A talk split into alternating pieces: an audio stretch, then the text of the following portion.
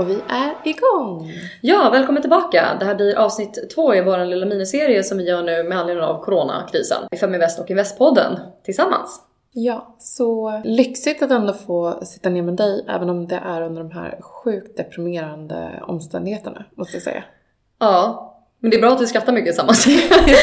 eh, för er som inte har lyssnat på det, i första avsnittet så pratar vi om pandemier och eh, tidigare börskrascher. Eh, varför händer det? Hur hänger det ihop? Och vad kan vi förvänta oss i framtiden? Eh, för er nu då som behöver spara pengar så ska jag ge lite tips på Okej, okay, och nu vill jag också säga så här, alla som har sina jobb tjänar pengar som vanligt. Det är bra att ni går och konsumerar. Det vill gå på restauranger, köper mer fika, handlar kläder, vad det nu är för att se till att folk har kvar sina jobb. Men för er nu som till exempel frilansar, som jag, och därmed står kanske utan jobb helt och hållet för att allting har stannat av, eller av någon anledning blivit arbetslös och inte har pengar att röra med, så kan det ju kännas lite knivigt att plötsligt gå från ett leverne till ett annat. Så det som är bra nu i alla fall, det är ju att vi alla står ju i samma kris så det finns en förståelse. Och det är ju bra. Annars kanske inte bankerna är de mest förstående när man hör av sig och säger Hej jag är arbetslös nu, kan du sänka min ränta?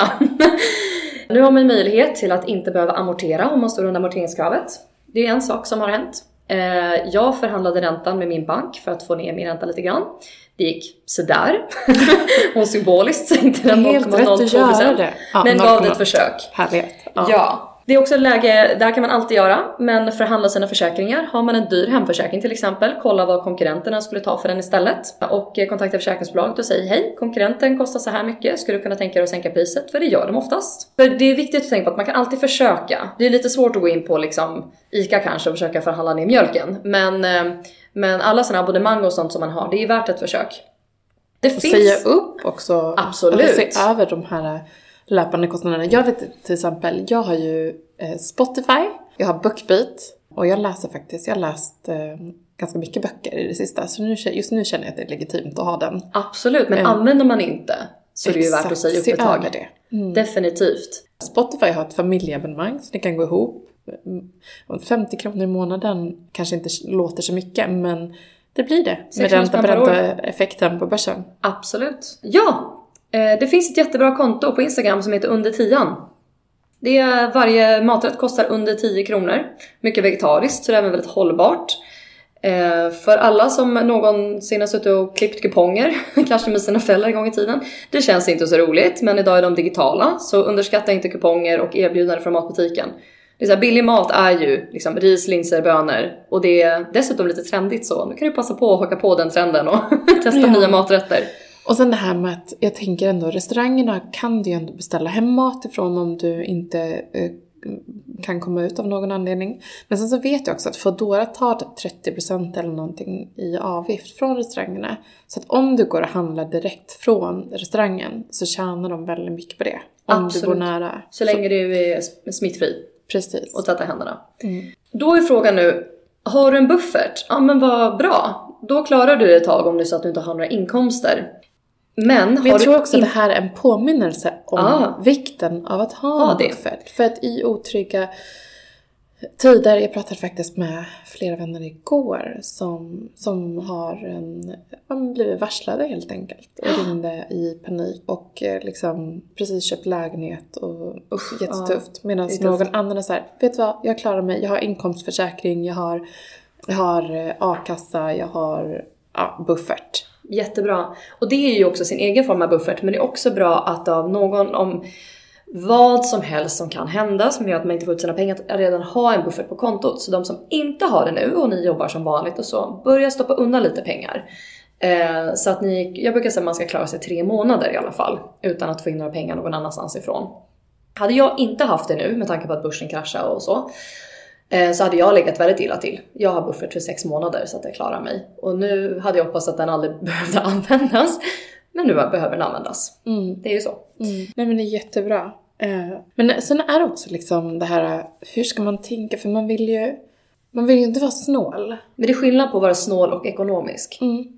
Ekonomisk är att använda huvudet så att man tar bra beslut. Ekonomisk är till exempel att köpa hem shampoo och balsam för lång tid framöver på Black Friday när det är 20% på ditt favoritmärke om det kostar lite mer. Att vara snål, det är att bjuda hem någon på fika och eh, man bara lägger fram en kaka till sig själv. Det är skillnad. ah, ja, okay. ja. Jag tror jag, uh, I get it.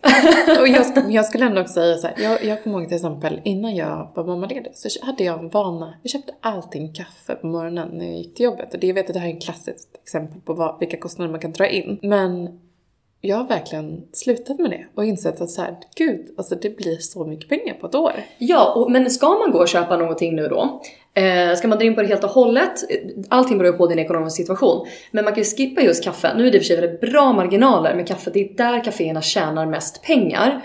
Så köper du kaffe och går dit och fikar så är det i det här läget så är det bra för kaféägaren så att de kan överleva, att man har ett helt annat perspektiv nu att bara spara pengar själv. Men gå och köp också bakverk och sånt av dem. Eh, sånt som du inte gör själv. För kaffe kan du ofta brygga själv hemma, även om du kanske inte säljer en latte eller så. Men, men det här eh, att njuta av livet, vad det nu än är för dig. Jag brukar säga eh, om det gör dig glad. Eh, jag har ju pluggat nutrition en gång i tiden och haft kunder liksom inom kost. Och så det här med vad man kompromissar på. Vill man bara äta nyttigt eller vill man också, så blir man ju nästan deprimerad till slut för det är så nyttigt och så tråkigt att äta så att ingen är glad. Men lägga till det här, vad är det som gör dig glad? Mm. Eh, och att eh, sponsra kaféägaren, det borde göra dig glad så att kaféet kan finnas kvar. Så du kan handla där även om två år när allt det här är över. Eh, och eh, färskt bröd nu i den här krisen kanske gör dig glad. Mm. Om du har råd med det. Mm. Men det handlar bara om att tänka till med vart man lägger pengarna någonstans. Mm. Det, och sen inse att så här, okej okay, det kanske känns tungt om du har gjort på ett visst sätt i tre års tid. Men man säger ju att det tar mellan liksom, ja, 22 och 30 dagar för att skapa en ny vana. Så egentligen så är den nya verkligheten inte så långt bort. Absolut, så är det verkligen. Eh, jag brukar säga att eh, pengar är som att ständigt rösta. Så om du lägger dina pengar på det lokala kaféet som du tycker om, då röstar du för att kaféet ska, ska få finnas kvar. Där du inte lägger dina pengar lägger du inte din röst. Nu kan man inte lägga pengar på kanske it. allt man vill rösta på, men det är ändå en, man kan tänka lite så. Och du vet, många bäckar små. Mm. Mm. En annan sak som jag vet att liksom, en stor efterfrågan just nu det är ju olika typer av inkomstförsäkringar och a-kassa. Och där kan man ju se att Eh, a-kassan behöver man vara med i, är man med i alla fall typ sex månader skulle jag tro. Ja, med unionen. Mm. Ja, ett år kanske till och med i vissa. Och likadant med ehm, med eh, inkomstförsäkring. inkomstförsäkring. Där så kan det vara ett år faktiskt innan mm. man får något utbetalt. Så det kan vara lite för sent på den här första liksom, pucken. Men eh, om du känner en oro inför även liksom, lite längre fram så, så kan det vara bra att se över den typen av alternativ.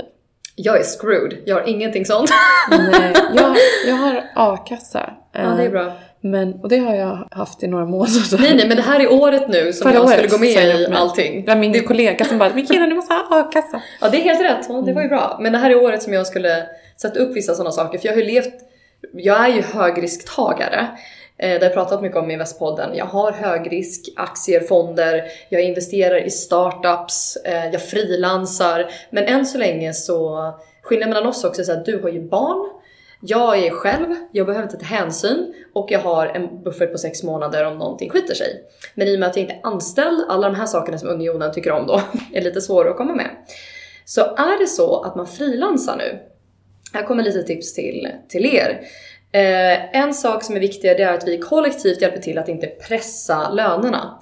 Det vill säga att det blir onödigt billigt. Eh, för det betyder att du kommer ändå gå back även fast du jobbar. För vi måste ju alla kunna betala våra räkningar. Jag har sett redan lite Facebookgrupper där folk frilansar att ah, men jag kan göra det billigare, jag kan göra det för så här. Och man öppet pressar sina priser. Eh, vi gör bara oss alla en otjänst om man håller på så. Ehm, en annan sak också är ju att nu är vi millennials och vi har ju ett rykte att eh, inte vilja ta vilket jobb som helst och vi vill ha det på våra premisser och vi har flexibilitet och kunna jobba vart ifrån var som helst i världen och den äldre generationen tycker att vi är lite lata där. Millennials är inte lata, vi bara jobbar på ett annorlunda sätt. Eh, och det här nu kan ju bli det läget att behöver man ta ett jobb på lager kanske ett tag. Behöver man kanske jobba på lokala butiker? Ja men alltså det här handlar om prestigelöshet, det handlar om att betala räkningar. Eh, allt det här liksom, som självförverkligande, det kommer det också. Men det är mycket lättare att komma dit om man ett tag kan betala räkningarna också. Jag tycker också det är ganska häftigt ändå, för vi har ju så här oerhört grymma förutsättningar i nu med vad man hade bara för 20 år sedan i liksom att kunna jobba digitalt. Vi har gigekonomin som har växt fram där Absolut. många kan... Jag menar, vi, jag sitter här och och min kollega sitter på ett annat ställe och vi har kontakt varje dag och, och det funkar liksom. Ur eh. varje kris kommer också innovation. Så är det. Så att det kommer poppa upp nya bolag nu, nya saker som vi behöver, som har tänkt till ännu smartare och det är jätteimponerande. Ehm, men, eh, men jag såg några också som har skrivit just på, på Facebook att eh, jag kan tänka mig att jobba med det här och det här men inte det och det. Och det är fine. Men när det står mellan att kunna betala räkningen och att inte göra det så handlar det också om att vara lite prestigelös i det här läget. Mm. Um, har man en enskild firma så har man ju inte uh, rätt till att permittera sig själv. Vi kommer att prata om bolag och småbolag i nästa avsnitt. Um, men har man en enskild firma så är det tyvärr, det är bara att vänta på att nästa jobb ska komma, eller jaga nästa jobb snarare.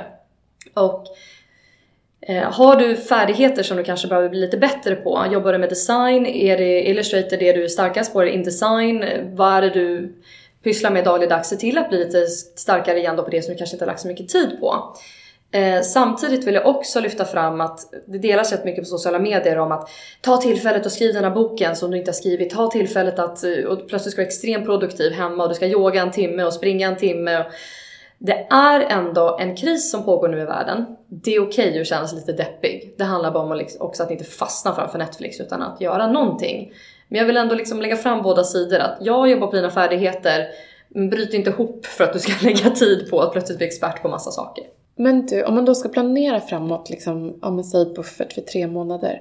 Hur, tänker du, hur räknar du ut en buffert och hur länge den ska hålla? Vad, liksom, vad är beloppet man behöver varje månad? Ja, man brukar prata om existensminimum eh, och det är ungefär där jag räknar också för att jag kan leva väldigt snålt eller ekonomiskt om jag behöver. Och då räknar man boendekostnad plus 5002 kronor för en ensamstående. Det är lite mer då eh, om man har barn. Eh, är man eh, makar och sambos så är det boendekostnads plus 8000 drygt.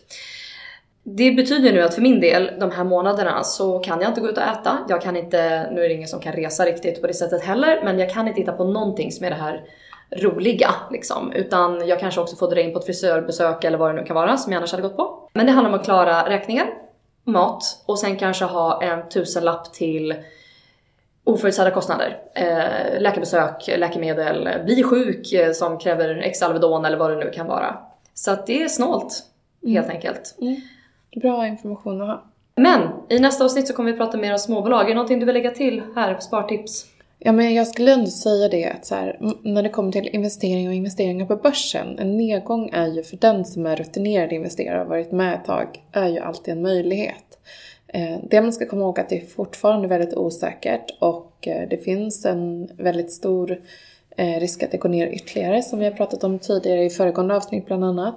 Men det är ju fortfarande mycket billigare att köpa in sig nu än vad det var för bara några månader sedan och då så investerade vi gladeligen. Absolut, så det är rea på liksom, börsen. exempelvis ja. fastighetsbolagen har ju gått ner väldigt mycket. Absolut, det finns en, om liksom det här stannar upp så finns det en risk att de fortsätter ner i, i de närmaste månaderna, kanske år eller vad det kan vara. Men det kommer att finnas kvar. Fastighetsbolagen Absolut. kommer att finnas kvar i stor utsträckning. Um, och likaså andra branscher som har drabbats väldigt hårt är Scandic, hotell, eh, aktien. Jag tänkte faktiskt på Petter Stordalen häromdagen för att jag menar han har ju hotell och sen så han är väldigt kaxig när han gör affärer. Han säger alltid så ja ah, men det här var för en bra affär för mig liksom. Det här var bara once in a lifetime business. Och han köpte ju bara för inte alls länge sedan ett resebolag också. Ja! Så att han har både resebolag... Kinnefing va? Mm. Och hotell. Alltså så himla tufft.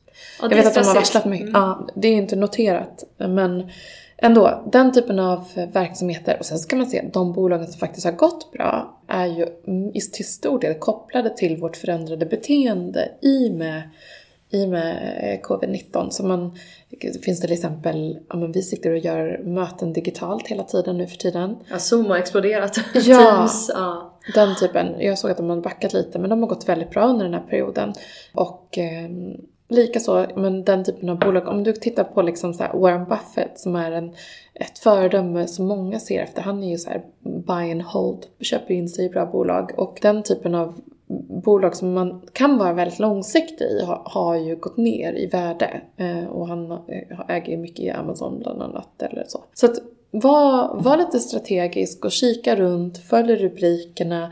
På kort sikt så brukar de företag som har gått ner extremt kraftigt, som Scandic exempelvis, kunna rekulera upp om man kan göra sig en kortsiktig hacka, men också på sikt, om man har ett långt perspektiv så kan man shoppa billigt. Ja, och det är faktiskt en, i och med att jag har en buffert som gäller sex månader, så har jag en tanke på att utnyttja en del av den budgeten och eh, stoppa in det och köpa fonder och aktier nu. Mm. Jag har inte bestämt mig, mm. men det är också ett sätt man kan tänka. Och nu är det ju så att jag kommer ju lösa det här. Jag, jag kommer inte stå på gatan om sex månader. Nu finns det ju de som kanske hamnar i den situationen. Jag, jag känner verkligen, jag är uppvuxen själv med ensamstående mamma, jag flyttade hemifrån när jag var 16. Det är en otrolig stress att känna ekonomisk eh, stress. Ehm, men nu finns ju också läge, om man är också, jag, skulle faktiskt vilja säga det att man kanske investerat förr, har lite feeling för hur det fungerar, att man kan ta en nedgång. Att eh, pengar man stoppar in nu ska man tänka på att de är borta.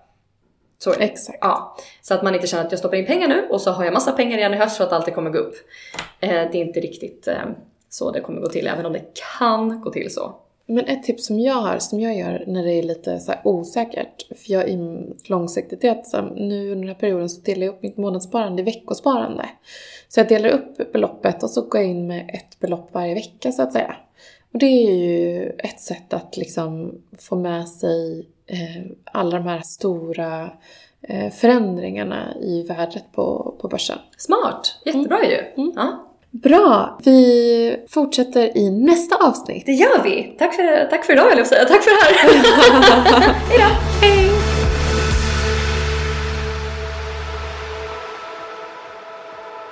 Feminvest är Sveriges största investeringsnätverk för tjejer. Vi vill att allt fler ska våga äga och förvalta. Och hur gör vi då detta? Jo, vi vill inspirera, utbilda och utmana runt ägande, investeringar och entreprenörskap. Följ Feminvest på våra kanaler Facebook, Instagram, Youtube. Varje vecka så kommer vi även ut med en podd och du kan ju självklart även följa nyheterna som publiceras på feminvest.nu. Det är bara att söka på Feminvest på samtliga kanaler så hittar du till oss.